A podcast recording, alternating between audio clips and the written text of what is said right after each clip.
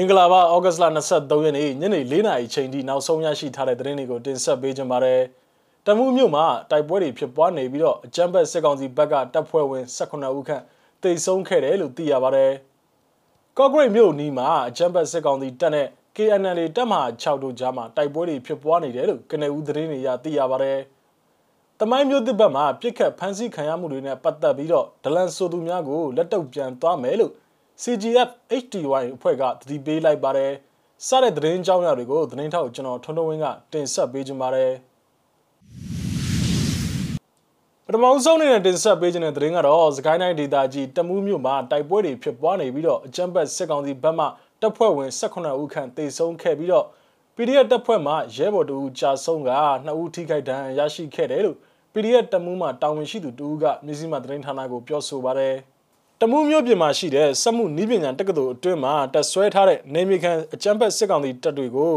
ပြည်သူ့ကာကွယ်ရေးတပ် PDF တမူးတပ်ဖွဲ့ဝင်များကဒီကနေ့ဩဂတ်လ23ရက်နေ့နနက်9:00နာရီချိန်ခန့်ကတွားရောက်ပစ်ခတ်ရမှာတိုက်ပွဲတွေစတင်ဖြစ်ပွားခဲ့ခြင်းဖြစ်တယ်လို့သိရပါတယ်။ဒီကနေ့မနက်9:00နာရီလောက်ထိပစ်ကြတယ်။သူတို့ဘက်ကတော့တေကြတာကျင်းသေးတယ်။တမူးစေုံမှာစစ်ခွေးတွေပြရခတ်နေတာပဲလို့ PDF တမူးမှာတာဝန်ရှိသူတူကဆိုပါတယ်။ဩဂတ်လ22ရက်နေ့ကလည်းတမူးမြို့မြို့မှာစနေရက်ကွက် နန်းဖာလုံးအထက်ကခွဲကျောင်းမှာတက်ဆွဲထားတဲ့အကြမ်းဖက်စစ်ကောင်စီတပ်များကိုပြည်သူ့ကာကွယ်ရေးတပ် PDF တပ်မှုရဲ့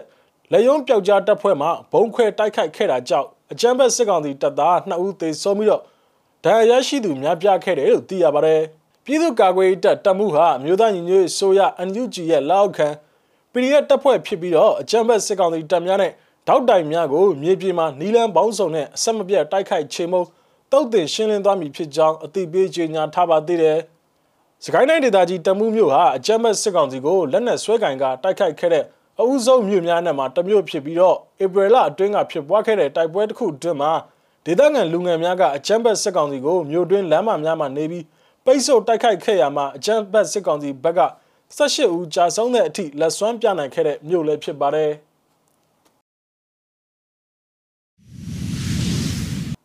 ဆက်လက်ပြီးတင်ဆက်ပေးခြင်းတဲ့သတင်းကတော့ကရင်ပြည်နယ်ကော့ဂရိတ်မြို့တောင်ဘက်အာရှလမ်းမကြီးတစ်ဖက်ချမ်းမှာရှိတဲ့ကမိုင်ကုန်းကျေးရွာအနီးမှာဒီကနေ့ဩဂတ်စ်လ23ရက်နေ့မိုးလယ်ပိုင်းအချိန်ကကရင်မျိုးသားလွတ်မြောက်ရေးတပ်မတော် KNL တပ်မဟာ6နဲ့အကြမ်းဖက်စစ်ကောင်စီတပ်ဖွဲ့ဝင်းတို့ကြားမှာတိုက်ပွဲတွေဖြစ်ပွားနေတယ်လို့ကနဦးသတင်းတွေရသိရပါတယ်။အကြမ်းဖက်စစ်ကောင်စီတပ်နဲ့လောက်ခံနေကြားဆောက်တပ် BGF တပ်ဖွဲ့ဝင်းတွေကဩဂတ်စ်လ22ရက်နေ့ညပိုင်းကအာရှလမ်းမကြီးတစ်ဖက်ချမ်းမှာရှိတဲ့ကမိုင်ကုန်းကျေးရွာကို ရချီပါဝင်တဲ့အကြမ်းဖက်စစ်ကောင်စီတပ်တွေဝင်ရောက်တပ်ဆွဲထားပြီးတဲ့နောက်မှာတော့တိုက်ပွဲတွေစတင်ဖြစ်ပွားလာတာဖြစ်တယ်လို့ဒေသအရင်းမြစ်တစ်ခုဖြစ်တဲ့ KIC သတင်းဌာနကဖော်ပြထားပါတယ်။လက်ရှိအချိန်မှာတော့ဒေသခံပြည်သူတွေကထွက်ပြေးတိမ်းရှောင်နေကြသူတွေရှိသလိုနေမှာပဲတူးထားတဲ့ဘုံခုတ်ကျင်းတွေမှာပဲဝင်ရောက်ခိုးလုံနေကြသူတွေလည်းရှိနေတယ်လို့သိရပါတယ်။ KIC ရဲ့သတင်းဖော်ပြချက်မှာဝင်ရောက်လာတဲ့အကြမ်းဖက်စစ်ကောင်စီတပ်ဘက်က KMU ထိန်းချုပ်နေမီမှာအမျိုးသားညီညွတ်ဆိုရနဲ့ ပြည်သူ့ကာကွယ်တပ်မတော် PDF တပ်ဖွဲ့ဝင်များရှိတယ်ဆိုတဲ့အကြောင်းပြချက်ဖြင့်ဩဂတ်စ်လလာဆန်းပိုင်းမှာစတင်ပြီးအကြမ်းဖက်စစ်ကောင်စီတပ်ဖွဲ့ဝင်များက KNL တပ်မဟာနယ်မြေတော်တော်များများမှာနေကြားဆောက်တပ်များနဲ့အတူအင်းအပြကလှုပ်ရှားနေကြသည်ဟု KNL ဗဟိုဌာနချုပ်နဲ့နှီးဆက်တဲ့သတင်းရင်းမြစ်တွေကသိရကြောင်းကိုသတင်းဖော်ပြထားပါတယ်။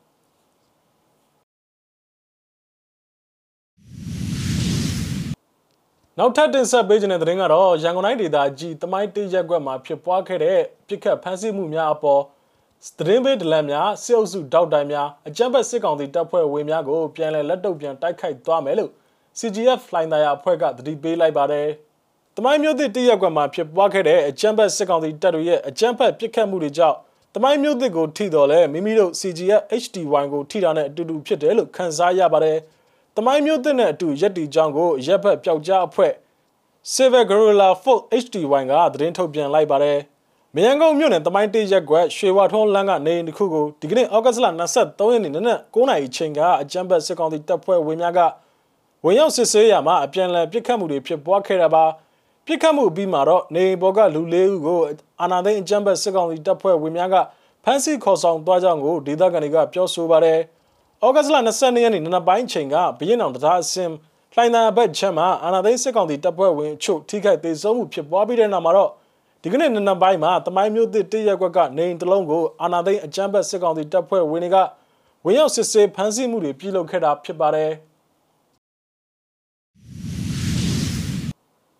ဆက်လက်ပြီးတင်ဆက်ပေးခြင်းတဲ့သတင်းကတော့မန္တလေးမြို့မှာအကြမ်းဖက်စစ်ကောင်စီတပ်ဖွဲ့ဝင်တွေကလုံခြုံရေးတင်းကျပ်စွာထားရှိပြီးတော့ တောလာခွင့်ကိုကန့်သက်ထားတဲ့ဂျားတွေကနေမန္တလေးတန်ခတ်တမကမှာဆရာတော်များကဒီကနေ့ဩဂတ်စ်လ23ရက်နေ့မိုးလယ်ပိုင်းအချိန်ကအကြမ်းဖက်စစ်ကောင်စီအလို့မရှိကြောင်းကိုလမ်းလျှောက်ချီတက်ဆန္ဒပြခဲ့ကြပါတယ်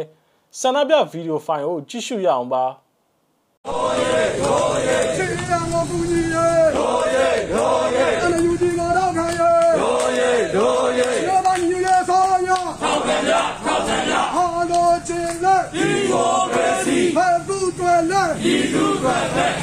ခေါ်ပြီးလူတွေဒီရလားဒီရဟဲ့ဒီရဟဲ့ကျန်းစင်လူဒီရလားဒီရဟဲ့ဒီရဟဲ့ဒီတော်တော်တော်စစ်ကောင်စီလုံးရှိလုံးရှိလူတော်တော်စစ်ကောင်စီလုံးရှိလုံးရှိပွဲစားတဲ့တော့စစ်ကောင်စီလုံးရှိလုံးရှိကျန်းတဲ့တော့စစ်ကောင်စီလုံးရှိလုံးရှိခိုင်ခိုင်ဟာဟာခိုင်ခိုင်ဟာဟာဆရာဆရာဆရာဆရာဆရာဆရာဆရာဘောဆရာဘောဆရာဘောဖတ်တဲ့တဲ့မြစ် ဖြတ်ဖတ်တဲ့တဲ့မြစ်ဖြတ်ကြောက်ကကမောင်ပြေကြောက်ကကမောင်ပြေကြောက်ကကမောင်ပြေကြောက်ကကမောင်ပြေဟောဟောကြောက်ကလေးရတယ်ဟောဟောကြောက်ကလေးရတယ်ဟောဟောကြောက်ကလေးရတယ်ဟောဟောကြောက်ကလေးရတယ်ဆရာဘောဆရာဘောဆရာဘောဆရာဘောထပ်မံပြီးတော့နိုင်ငံတကာသတင်းတပုတ်ကိုလည်းတင်ဆက်ပေးကြပါမယ်။အာဖဂန်နစ္စတန်နိုင်ငံဟာအကြမ်းဖက်တွေရဲ့ကွန်းခိုရာဖြစ်လာမယ်လို့ OIC ကသတိပေးလိုက်ကြောင်းကိုနိုင်ငံတကာသတင်းတွေအရသိရပါတယ်။ သတင်းအပြည့်စုံကိုတော့မြစည်းမသတင်းဌာနကတင်ဆက်ပေးထားတာပါ။နားထောင်ကြည့်ရအောင်ပါ။ အာဖဂန်နစ္စတန်ကိုအကြမ်းဖက်အဖွဲ့အစည်းတွေရဲ့ကွန်ကိုရာတစ်ခုအဖြစ်နောက်ထပ်ဘယ်တော့မှအဖြစ်ခံမှာမဟုတ်တော့ကြောင်းနဲ့တာလီဘန်တွေအာဏာသိမ်းပြီးနောက်ပိုင်းဖြစ်ပေါ်လာတဲ့အကြက်တဲကိုဖြေရှင်းဖို့အတွက်အားလုံးပါဝင်တဲ့တွဲဆုံဆွေးနွေးရေးတွေပြုလုပ်ဖို့အစ္စလမ်မစ်ပူးပေါင်းဆောင်ရွက်ရေးအဖွဲ့ OIC ကဩဂုတ်လ22ရက်တနင်္ဂနွေနေ့ကပြောကြားလိုက်ပါတယ်။အဆိုပါဆော်ဒီအခြေစိုက်အဖွဲ့အစည်းဟာငြိမ်းချမ်းရေးတည်ငြိမ်ရေးနဲ့အမျိုးသားပြန်လည်တည်မြဲရေးအတွက်အရေးပါတဲ့ကိစ္စတွေကိုဖိအားပေးလှုံ့ဆော်နိုင်ဖို့အာဖဂန်နစ္စတန်ကိုတန်တမန်တွေဆေလွတ်နိုင်ရေးပြောကြားခဲ့ပါတယ်။တာလီဘန်စစ်သွေးကြွတွေအာဏာပြန်လည်ရရှိခဲ့တာတရင်တစ်ပတ်ကျော်လာချိန်မှာအာဖဂန်ကအခြေအနေကိုဘလို့ကင်တွယ်ဖြည့်ရှင်းမယ်ဆိုတဲ့ဆုံးဖြတ်ချက်တစ်ခုချမှတ်နိုင်ဖို့အစည်းအဝေးတစ်ခုခေါ်ယူတဲ့ကြောင်း G7 အပါအဝင်နိုင်ငံပေါင်းစုံအဖွဲ့အစည်းတွေကထောက်ပြခဲ့ကြပါတယ်။တာလီဘန်အစ္စလာမစ်တွေအာဖဂန်ကိုပထမအကြိမ်အုပ်ချုပ်ခဲ့တဲ့1996ကနေ2000ခုနှစ်အတွင်းမှာစက်တင်ဘာ17အကြမ်းဖက်တိုက်ခိုက်မှုအတွက်အဓိကတာဝန်ရှိသူအယ်ခိုင်ဒါခေါင်းဆောင်အိုစမန်ဘင်လာဒင်ကိုခိုလုံခွင့်ပြုထားခဲ့ပါတယ်။အမေရိကန်ကိုတိုက်ခိုက်ခဲ့တဲ့2000ခုနှစ်စက်တင်ဘာ17အကြမ်းဖက်မှုကြောင့်အပြစ်မဲ့ပြည်သူ3000ကျော်သေဆုံးခဲ့ရပါတယ်။တာလီဘန်ကမြို့တော်ထိစီးနှင်းလိုက်ချိန်မှာအာဖဂန်ကနေထွက်ပြေးဖို့ကြိုးစားနေတဲ့ထောင်နဲ့ချီတဲ့အာဖဂန်တွေနဲ့နိုင်ငံသားတွေရဲ့ဖျို့ဖျဲမြင်ကွင်းတွေကအနောက်နိုင်ငံမဟာမိတ်အုပ်စုတွေရဲ့အာဖဂန်ပဋိပက္ခအပေါ်ကိုင်တွယ်ပုံမှားယွင်းမှုရဲ့လက္ခဏာတွေအဖြစ်ပြင်းပြင်းထန်ထန်ဝေဖန်မှုတွေကိုရင်ဆိုင်နေရပါတယ်။အိုးရင်စွန့်ခွာထွက်ပြေးမှုတွေနဲ့ဒုက္ခသည်ဥယေတိုးပွားလာမှုကနိုင်ငံအတွင်းလူသားချင်းစာနာထောက်ထားမှုဆိုင်ရာအခြေအနေတွေအပေါ်သတိပေးချက်တွေမြင့်တက်လာခဲ့ပါတယ်။အဆိုပါ OIC ရဲ့ထုတ်ပြန်ချက်မှာအဖွဲ့ဝင်နိုင်ငံတွေအစ္စလာမစ်ဗန်ဒါရေးအဖွဲ့အစည်းတွေနဲ့မိတ်ဖက်တွေအနေနဲ့အလိုအဆုံးဒေသတွေမှာလူသားချင်းစာနာမှုဆိုင်ရာအကူအညီတွေကိုချက်ချင်းပေးအပ်သွားဖို့တိုက်တွန်းထားပါတယ်။ နိုင်ငံတကာကလူသားချင်းစာနာထောက်ထားမှုဆိုင်ရာဥပဒေအရအာဖဂန်ပြည်သူတွေရဲ့ဘဝလုံခြုံမှုနဲ့ဂုဏ်သိက္ခာအတွက်အခွင့်အရေးတွေကိုအလေးထားပြီးကာကွယ်စောင့်ရှောက်ပေးနိုင်ဖို့မျှော်လင့်ပါတယ်လို့ OIC အထွေထွေအတွင်းမှုချုပ် Yusuf Alet Taiman ကဆိုပါတယ်။နိုင်ငံတကာအတိုင်းဝိုင်းနဲ့အထူးသဖြင့်အုပ်ချုပ်သူအစိုးရအနေနဲ့အာဖဂန်နစ္စတန်ကိုအစွန်းရောက်ကျန်းဖက်သမားတွေအတွက်ကာကွယ်မှုပေးတဲ့ကွန်ကိုယာဒေသတခုမဖြစ်အောင်လှုံ့ဆော်ဖို့အရေးကြီးပါတယ်လို့သူကဆိုပါတယ်။ နောက်ဆုံးအနေနဲ့တင်ဆက်ပေးခြင်းတဲ့သတင်းကတော့တဝဲခရိုင်တပိတ်ကော်မတီကဥဆောင်ပြီးတော့ဒီကနေ့ဩဂတ်စ်လ23ရက်နေ့နနက်ပိုင်းချိန်ကလောင်းလုံမြို့နယ်အတွင်းမှာရှိတဲ့လူငယ်များအမျိုးသမီးများចောင်းသားចောင်းသူများပူးပေါင်းပြီးတော့အကြမ်းဖက်ဆရာနာရှင်အလိုမရှိကြောင်းကိုဆန္ဒပြလမ်းလျှောက်ချီတက်ခဲ့ကြပါတယ်ဆန္ဒပြဗီဒီယိုဖိုင်ကိုကြည့်ရှုရအောင်ပါ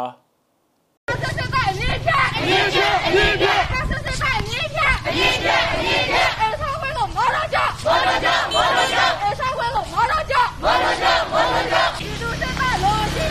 လောရှိလောရှိဒီလူစက်ပါလောရှိလောရှိလောရှိဘယ်တပိုက်ဟောဟောဘယ်တပိုက်ဟောဟောဘယ်တပိုက်ဟောဟောပြေတော့ဘုံအာရမီအာဝအာရမီပြေတော့ဘုံ